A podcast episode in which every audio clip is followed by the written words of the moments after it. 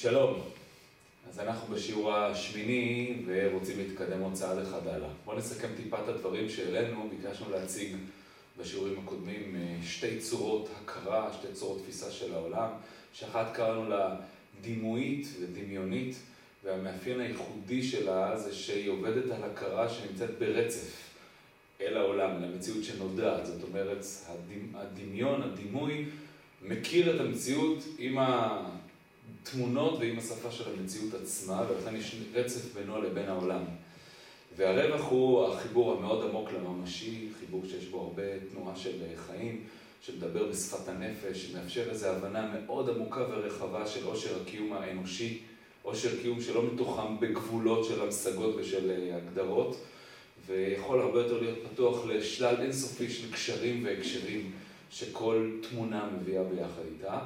ההכרה השנייה קראנו לה הכרה המושגית, ההכרה השכלית, ההכרה הרציונלית, שפה כל היסוד הוא הבדלה בין המציאות לבין ההכרה. זאת אומרת, ההכרה נעשית על ידי זה שאני מסתכל מן החוץ. המושג מוציא אותי מחוץ לדבר שאני מכיר אותו, ודרך זה אני מרוויח מבט מן החוץ שנותן רוחב, נותן גידור ותיחום, נותן בהירות, אבל משלם במחיר של ריחוק מהמושא שאותו אנחנו באים להכיר.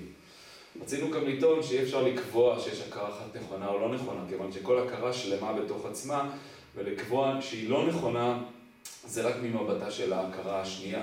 אין מבחן מחוץ להכרות. כל הכרה מציגה תמונת עולם שלמה של חיים. בשיעור הזה ננסה להתקדם ולנסות להציג את המשמעות של ההבחנה הזאת כשאנחנו באים אל עולם של אמונה. מה זאת אומרת עולם של אמונה?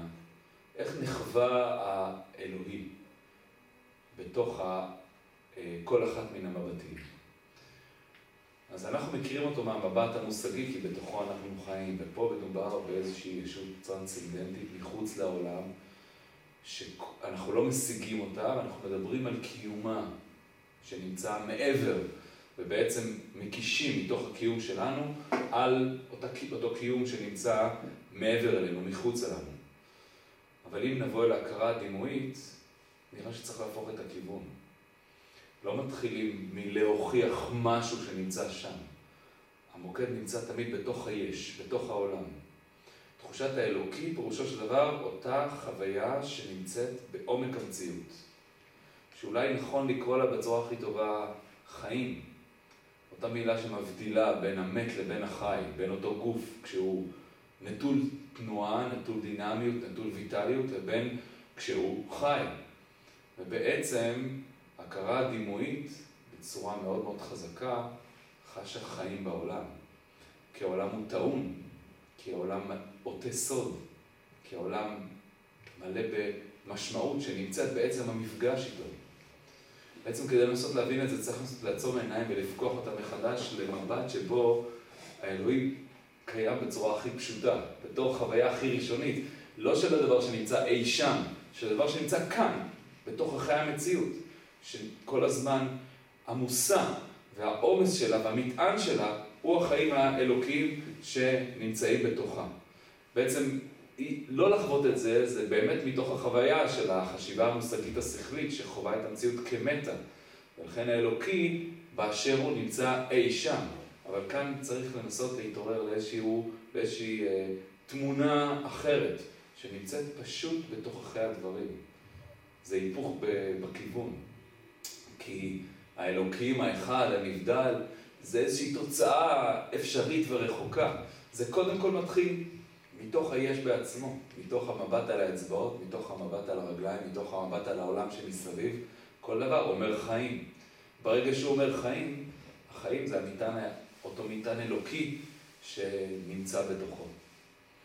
בעצם אולי הייתי מדמה שאם היינו מגיעים לאדם מתקופת המקרא ומנסים להציע לו את הרעיון הזה של לא להאמין באלוקי, אני אומר כאן לא להאמין באלוקי, כי באלוקים זה כבר באיזה ישות כלשהי, שצריך להתייחס לקיומה, להוכיח את קיומה, לדבר על קיומה, אני מדבר כאן על אלוקי בתור כוח החיים הפנימי שבתוככי המציאות. זה איזשהו ישנו שפשוט נמצא. ואם היינו מנסים לתאר לו את האופציה שמישהו לא חש את זה, נראה שהיה מתייחס אלינו כמו שאנחנו נוטים להתייחס למישהו שהוא אוטיסט, או כמו שאומרים היום על הרצף. הוא נמצא בתוך סיטואציה חברתית, והוא רואה את כל הפרטים, את כל הנתונים, אבל בעצם הוא קולט רק מהשעה, מהשעה לפני השטח. וכל זמן שמדובר בנתונים אה, מוגדרים, מקומטים היטב, מתוחמים היטב, אז הוא מסתדר איתם, ואולי אפילו לפעמים נוטה להיות גאוני ביחס אליהם, אבל הוא לא קולט מצבים. הוא לא קולט שבתוך ההתרחשות כאן יש הרבה התרחשויות סמויות, שנמצאות בתנועות קטנות, בתנודות, באמירות שיש להן הדהודים של משמעות, לא רק משמעות מיידית פשוטה, אלא גם רבדים נוספים של משמעות, ומי שחש את זה פשוט קולט את הדברים ומשתלב ביחד איתם וחש את ההתרחשות, ואותו אוטיסט בעצם לא קולט מה קורה כאן. הוא רואה מה קורה כאן, אבל לא קולט מה קורה כאן. ובעצם זה דומה קצת, קצת מנקודת מבט שפוקחת עיניים אל עולם שחי, אתאיזם הוא סוג של אוטיזם. זאת אומרת, זה אי יכולת לקלוט את המציאות כתאונה, כאותת סוד, כמלאת חיים. באמת לראות אותה בחדלונה, היינו כאיזה מושגים מתים, מתמטיים כאלה, שמעבר להם אין דבר.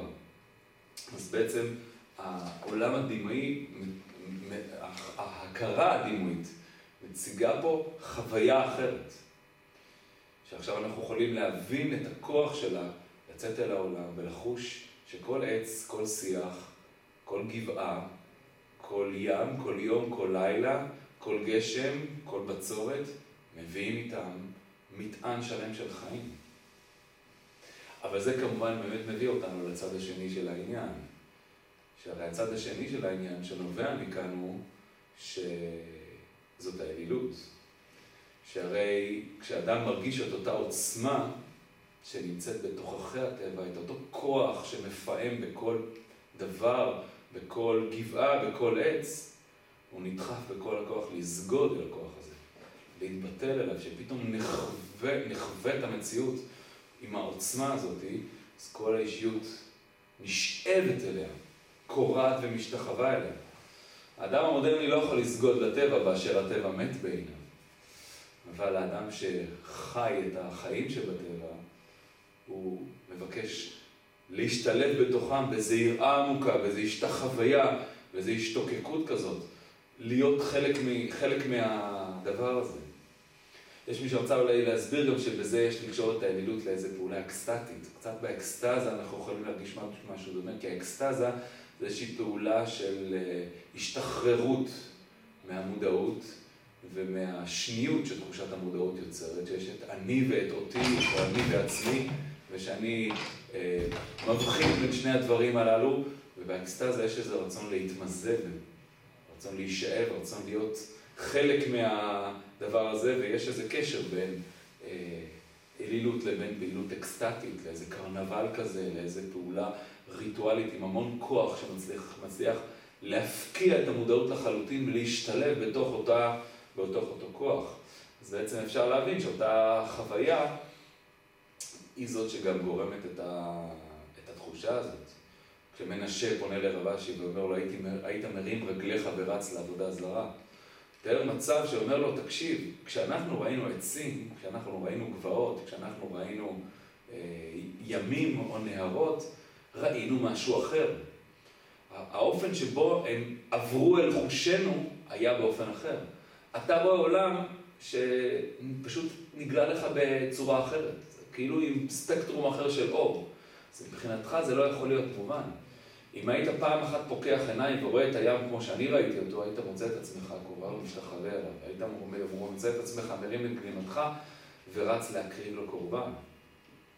אפשר גם להבין מכאן את ה... לא רק את הסגידה אל הטבע שיש בתוך הכוח האלילי, אפשר להבין גם את הריבוי שיש כאן. כי אחד, זאת לא החוויה של המציאות. וכשמדברים בשפה של הממשות עצמה, אז החוויה החזקה היא הריבוי האינסופי של הממשות. לא הרי כוח החיים שאפשר לפגוש בים, שאפשר לפגוש ביבשה, שאפשר לפגוש ביום או בלילה ושאפשר לפגוש בקיץ או בחורף. אפשר לפגוש בהרים או בעמקים, ולכל אחד מהם יש חיים משלו. הילד הטרנסצנדנטי מושג כל כולו בתור אחד נבדל, אבל כשכל התנועה הבסיסית של המפגש עם כוח החיים האלוקי נמצא בתוככי הטבע, בתוככי המציאות, הרי שבאמת הוא נתפס כריבוי, כפי שהיא עצמה נתפסת כריבוי.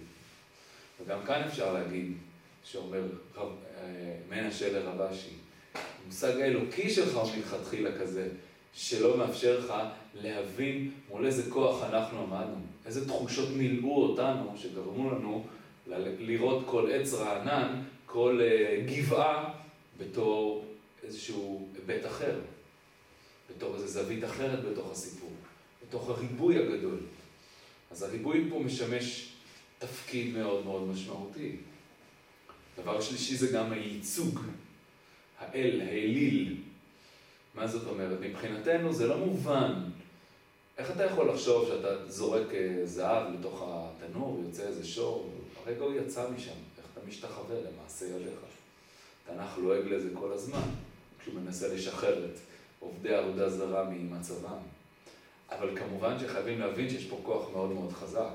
זה לא יכול לעבוד אם זה, לא, אם זה רק אה, טיפשי.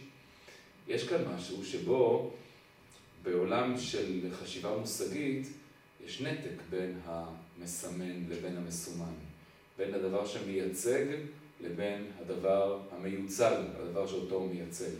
אז לא מובן, אם אתה רוצה להתחבר לאיזשהו תוכן, תתחבר לאיזשהו תוכן, אבל באיזה צורה אתה חושב שצורה שאתה עשית קשורה לדבר הזה? היא אולי יכולה להזכיר אותו, אבל מה העניין בלהיתקע עליה? אבל אם באמת יש רצף שלם בין התודעה של האדם לבין הטבע, הרי שיש גם רצף בין הייצוג לבין המיוצג. השור הזה שהרגע עשינו אותו, מכיל בתוכו כל הכוח השורי, כל מה שמתקשר בשור, על כוחו, על חרישתו, על עוצמתו, על גודלו, על קרניו, או על כל מה שזה לא יהיה, על הדברים שאליהם הוא מתקשר, אולי ליוסף, אולי לדברים נוספים, הכל נמצא כאן, והצורה מכילה בתוכה ממילא את כל הייצוגים שלה, את כל, את כל מה שמקושר אליה, זה פשוט נמצא פה. אז ממילא, זה לא משנה שזה נעשה רגע על ידינו, זה נעשה רגע על ידינו, אבל הנה זה מביא ביחד איתו את כל מה שזה קשור אליו. והנה זה נמצא פה על ידי המעשה שנעשה. אז כידוע, העולם המודרני, כשהוא ניסה להסביר לעצמו, מה הם עשו שם? כאילו, מה היה פשר העבודה הזאת, הפגאנית שהם עסקו בה כל כך? וההסבר שהוא הסביר לעצמו, לפחות מתחילה, ועד היום מאוד פופולרי, זה פחד. הוא לא ידע את העולם כמו שאנחנו יודעים אותו, אנשי המדע, אנשים שאחרי המדע, ולכן מהפחדים הוא עשה מה שהוא עשה.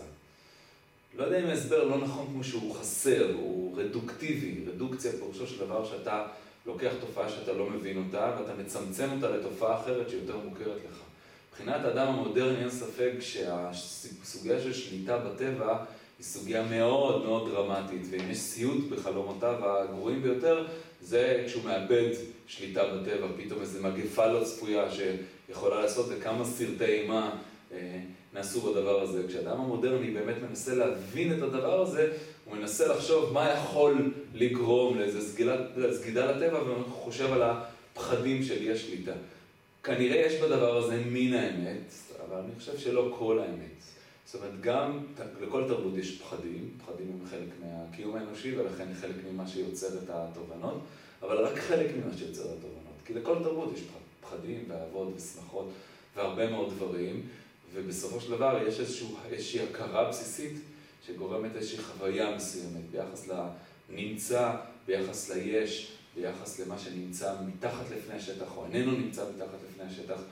ואני מנסה לתאר גם כאן שיש בחוויה הזאת מנעד שלם של דברים שקשור לאיזשהו מפגש בסיסי עם המציאות.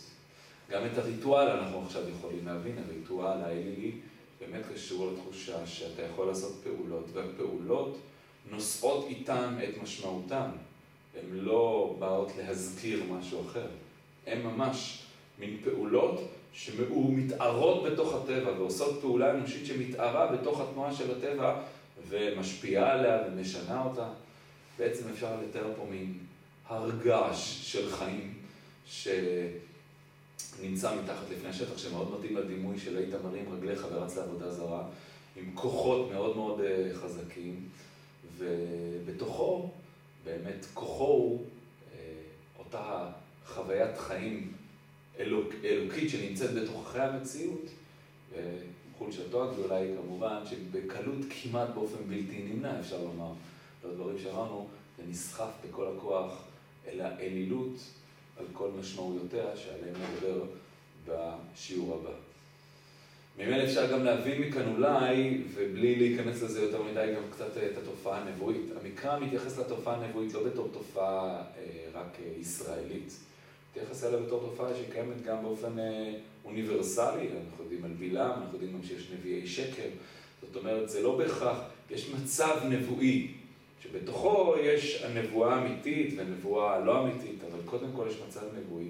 ומצב נבואי בהקשר הזה, הוא קשור לאיזושהי רגישות מאוד מאוד מאוד גבוהה אל אותה תנועת חיים. רגישות כל כך גבוהה שמאפשרת לאותו נביא ללכוד את המציאות ברמות מדויקות יותר, גבוהות יותר, אולי עד כדי יכולת לצפות אותה קדימה בצורה יותר משמעותית. אם מדייקים בתנ"ך נראה שאפילו לא, אנשי הזמן לא תפסו את הנבואה על המובנים של מתקיימת באופן מוחלט או לא מתקיימת באופן מוחלט. לעיתים כן, כיוון שמדובר בנבואה מאוד מאוד ספציפית, אבל יכול להיות שאדם היה לפעמים אה, אה, נביאים מסוימים אה, מנביאי השקר, נראה, אלה שהמקרא מכנה אותם כנביאי שקר, אבל נראה שחלק מנבואותיהם כן, כן נתקבלו, כמו הנביא מבית אל, או הנביאים שהיו לפני יהושפט ומלך ישראל, נראה שיכול להיות שחלק מהנבואות יתקיימו וחלק לא, זאת אומרת שהציפייה הייתה למישהו שחש משהו, ועל התחושה הזאת יש היתכנות גבוהה בתוך המציאות. לא היתכנות הכרחית, וזה לא בטוח שאם מחר זה לא יהיה, אז זו הייתה נבואה שקר לחלוטין, אלא זה יחליש ללא ספק את האמון באינטואיציות שלו, אבל אולי במקרה עתידי זה ישתנה. אם ככה, באמת מדובר במשהו שהוא לא במושגים של התצפית המדעית, שאם היא נתבדתה, אז הסתבר שהתזה שבנתה אותה היא בהכרח לא נכונה באיזושהי נקודה לכל הפחות, אלא שהוא חש את המציאות, ולפעמים הוא לא חש אותה בצורה מספיק מדויקת. לפעמים הוא חש משהו, אבל זה היה אופציונלי, ואחר כך זה השתנה, אז uh, נדמה שמדובר פה באיזושהי פעולה שנתפסת בצורה יותר uh, רחבה וכללית, ושונה מהמושגים כפי שאנחנו מתארים אותם. בכל מקום היא תופעה שיכולה להיות הרבה יותר מובנת. לאור אותה אה, אה, תחושת חיים. ואני שוב מדגיש, אנחנו לא באים כאן לדייק בשלב הזה לפחות בין נבואת אמת לנבואת שקר, אלא התופעה הנבואית כתופעה רחבה אה, ואוניברסלית גם, כפי שמעיד עליה המקרא. ואפשר להוסיף לא רק הנבואית, אלא בכלל, המנחשים והמעוננים והקוסמים, זאת אומרת, חדר שלם של אה, אנשים שבצורות שונות ובשיטות שונות מנסים אה, אה, לנבא את המציאות או לקלוט את המציאות לפי איזושהי תחושה של התנועות תנועות החיים שהם חשים בתוך הטבע, אם בגלל איזה איכויות אישיות יותר מפותחות, אם בגלל איזה כלים שהם קנו וכולי. בואו ננסה להשוות לזה את הצד השני. חוויית, נחזור עכשיו לחוויית תודעת האמונה של האדם המושגי. האם האדם המושגי איננו מאמין? לא, לא בהכרח. אבל בואו נתאר את האמונה שלו. אמרנו שהפעולה המושגית היא בעצם לקחת את הטבע, שוק של עצמו, מעץ דומם, אין בו חיים, ולהכליל אותו. זאת אומרת, לתת מושג שמצליח לתפוס את הפרטים. זאת אומרת, הפעולה המושגית זה בעצם להצליח לחלץ את הנצחי והקבוע מתוך הדינמי והחולף. המציאות היא דינמית, חולפת, דברים חיים, נולדים, מתים, העץ הזה נמצא פה עוד איקס שנים הוא כבר לא יהיה כאן, אבל המושג, ברגע שחילצתי אותו מתוך הטבע, הצלחתי לחלץ את הדבר הטהור והנצחי שאיננו בן חלוף. הוא כבר לא צריך את העצים שיהיו פה כדי שהוא כשלעצמו יהיה בעל משמעות. ויותר מזה, התהליך של ההשגה הוא תמיד תהליך שהולך ועולה.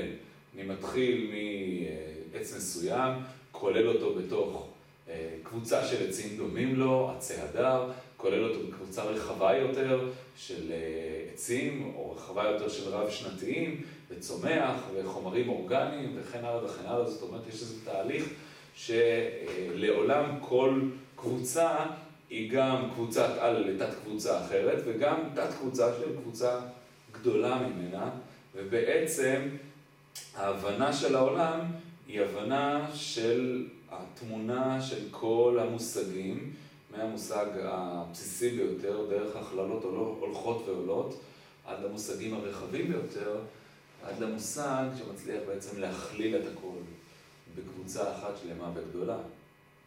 האחד. האחד כאן מופיע לא בתור חוויית האחד בטבע, בדיד מול שניים, אלא כחוויית האחד כמושג הטהור, השלם והמזוקק ביותר. היכולת להכליל ולהכליל בצורה השלמה והמתרחבת ביותר, עד להגעה למושג הכי טהור, המכליל ביותר של כל הדברים, שהוא הנצחי המוחלט. הוא איננו חולף כיוון שכל דבר בעולם הוא בן חלוף, ואפילו השכל האנושי של האדם ספציפי הוא בן חלוף, אבל ההמשגות, כפי שהן נתפסות, אינן בנות חלוף. וגם לאחר שהשכל הספציפי כבר לא יהיה כאן, ההמשגה הטהורה לא תלויה בו. השכל בעצם מגלה אותה, אבל עכשיו היא הופכת להיות משהו טהור ומוחלט, שהיה עוד קודם, גם לפני שנתנו את השם. הקבוצה הייתה פה, אני רק נתתי עכשיו את המושג, אבל המושג הוא טהור, ויהיה גם אחריי. המושג לא צריך בסופו של דבר לא את הפרטים כדי שיהיה לו משמעות, ואפילו לא את מי שיצר לו כדי שיש לו משמעות. המשמעות שלו קיימת במובן נצחי, שלם וטהור. מתוך זה באמת אפשר להבין שכאן המוקד באלוקי הוא האחד, המזוקק, הטהור, השלם, הנצחי. זה שאלוקיותו זה בהיותו מושג היסוד הראשוני שכל השאר נובעים ממנו. ולמרות שמבחינת פעולת האדם המגלה הוא צומח מלמטה למעלה, אבל בסופו של דבר לאחר שהוא מגלה את המושג, המושג כבר קיים כקודם אל כל הדברים שנתגלו. רק מי שבא מלמטה למעלה היה צריך לעשות את פעולת ההכללה, אבל עכשיו אפשר להפוך את העניין, להתחיל מלמעלה ומלמטה ולומר המושג קודם כל קיים, ואחר כך ממנו נובעים כל הפרטים שנוצרים ממנו. ממילא בתוך המעבר אל החשיבה המושגית, המפגש עם האלוקי עוזב את המציאות הממשית, עוזב את תוככי המציאות, הופך להיות הנבדל מן המציאות. אז בעצם יש כאן משהו מאוד מאוד חזק, כי אלוקי כאן מזוקק מההיקלעות בתוך הטבע. וממילא גם נאבדת ברגע, ברגע שזה המבט, כל המחשבה של אה, לסגוד אל, אל הטבע ולראות את זה כעבודת אלוקים, נמחקת. היא הופכת להיות מופרכת, אנחנו לא יכולים להבין אותה, אנחנו לא יכולים לשחזר מה בדיוק דחף אותנו. גם לא לייצג אפילו את אותו משהו רוחני, לייצג אותו על ידי משהו גשמי, הייצוג לא, לא מצליח לייצג, זה. כאילו המושג לא אה, נלכד על ידי הדבר הבודד, בוודאי לא משהו שהוא יצירה של מעשה ידינו, שזה עוד יותר מופרך, בזה שהוא לא לוכד, את הנצחי, הוא רק אה, אה, חונק אותו, רק מוריד אותו כלפי מטה. הרי הנצחי באמת קיים באותה, אה, באותה שלמות בתוך עצמו, שאיננה נזקקת לפרטים, ואפילו במובן הזה הפרטים עלולים לפגוע בנצחיות הטהורה והשלמה שלו. אז באמת האדם החושב מושגית, באשר הוא מאמין, בוודאי שאמונתו היא מתייחסת לאלוקי המזוקק. סכנת העבודה זרה בכלל לא מוכרת לנו. לפחות לא במובן הזה, כמו שאנחנו פוגשים אותו במקרא, אפשר לתת כל מיני היבטים שונים של המושג עבודה זרה ולגלגל אותם קדימה, אבל במובן הפשוט של הסגידה הזאת אל הטבע, של תפיסת הריבוי, של אה, הפעולה הריטואלית, אפילו של האקסטזה, באותו מובן אלילי, מתפוגגות ונעלמות מאליהן. איפה נוצרות הבעיות? הבעיות נוצרות כמובן כשעכשיו באה השאלה מזווית אחרת. כיוון שאותו אחד מוחלט, עליון ונשגב, כל כך נבדל מן המציאות, כל כך שלם, כל כך מוחלט, עכשיו הקושי זה להבין איך אפשר לחבר בינו לבין המציאות המשתנה, החולפת, הדינמית, הנולדת חיה ומתה. וזה מעורר שאלות מזוויות שונות. איך יכול להיווצר המעבר בכלל מהאינסופיות הזאת אל הסופיות? זה שאלת הבריאה. אה, גם אם נדלג על השאלה איך המעבר נוצר, איך יכול להיות אחרי זה קשר בין משהו שכל מהותו ושלמותו המוחלטת ואדישותו להשתנות של המציאות, איך יכול להיווצר קשר בין זה לבין המציאות הדינמית והמשתנית. זאת שאלת ההשגחה. ובוודאי בוודאי, גם אם יכול להיווצר קשר והוא נוצר באיזושהי צורה, איך אפשר להעלות על הדעת שהקשר הזה נושא אופי של סוג של התגלות, של שיחה. זאת השאלה השלישית. כל השאלות האלה, בריאה, השגחה והתגלות, הן כולן שאלות שקשורות לשאלת היכולת להבין את החיבור בין אינסופי, מוחלט וטהור, לבין עולם ממשי, דינמי ומשתנה. כולם שאלות שמתעוררות כשהמפגש הבסיסי עם האלוקי מפגש עם המוחלט השלם הנשגב, שזה האופן שהתודעה המושגית, הרציונלית, השכלית, פוגשת, כי זה הרוח הטהורה, זה האלוקי. הרוח הטהורה העליונה השלמה שמתבטאת באותו דבר ראשוני ומוחלט וקודם לכל דבר. ועכשיו, למרות שהרבה תשובות נענו והרבה תשובות מיישרות את הדבר הזה, משהו עמוק בהכרה, ככה הוא חווה. אז התשובות נשארות באיזושהי צורה, אה, נותנות מענה אולי על דרך השכל, אבל האינסופי נשאר בסופו של דבר מסוגר בתוך עצמו, ולא מובן אף פעם. לא מובן במובן הזה שאפשר להבין את ההיות שלו, להיפתח אל עצם העניין, אבל שם זה נגמר. באיזה אופן זה מקושר אל העולם, באופן, זה, זה מתבטא בתוך עולם ובתוך החיים האנושיים. זאת נשארת שאלה מאוד uh, בעייתית.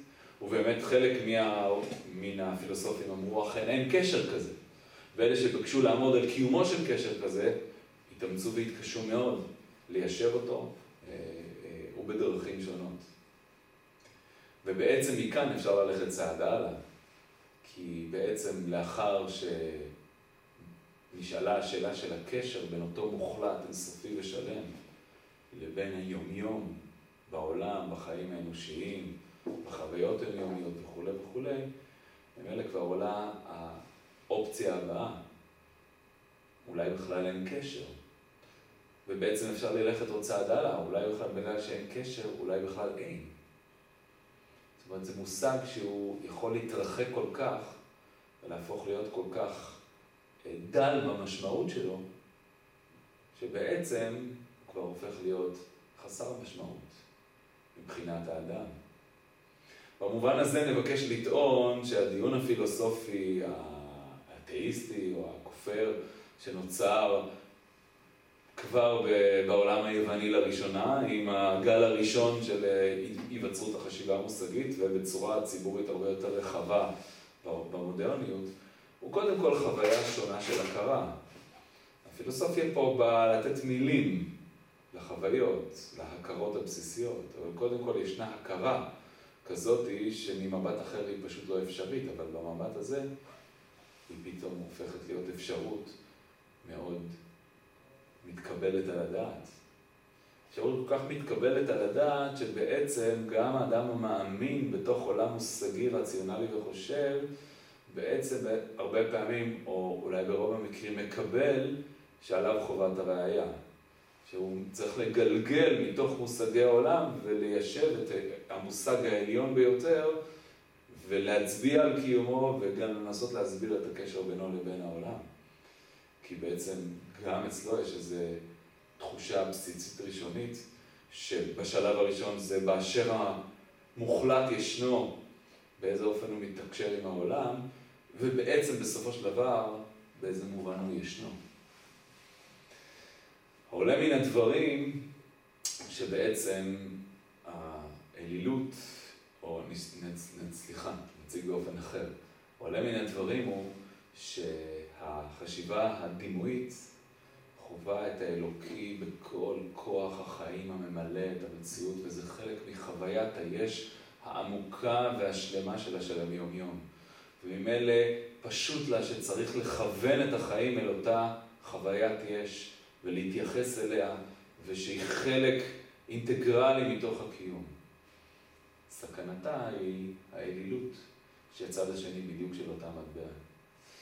וכנגדה, החוויה המושגית חווה את האלוקי בטהרה שלו, בזיקוק שלו, בשלמות שלו, בנצחיות שלו, באי ההשתנות שלו, אבל אותה תחושה הופכת להיות תחושה שעלולה להיות ריקה מחיים. וכשהיא הופכת להיות ריקה מחיים, היא לאט לאט הולכת וזוחלת אל תוך הקריסה שלה, והיא הכפירה, חדלון החיים. בעצם העיבוד של האמון של קיומה של חיות כלשהי, לא בתוככי העולם ואף לא מעבר לו. כל אחת מהתודעות הביא איתה משהו אחר. איננו מוצאים תיאורים של כפירה בעולם אה, מקראי, איננו אה, מוצאים תיאורים אה, של עבודת אלילים, כמעט, מן הסתם. כשאני אומר איננו מוצאים זה תמיד בעולם מוגבל, אבל כמעט איננו מוצאים או איננו מוצאים תיאורים של עבודה אלילית בעולם, לפחות מערבי, מושגי וחושב. כל תמונת עולם מביאה את כוחה, ועימה מביאה את חסרונותיה. ובאחד השיעורים הבאים ננסה להראות באיזה מקום נכנסת האמונה המקראית ומציעה אלטרנטיבה לשני הכתבים הללו.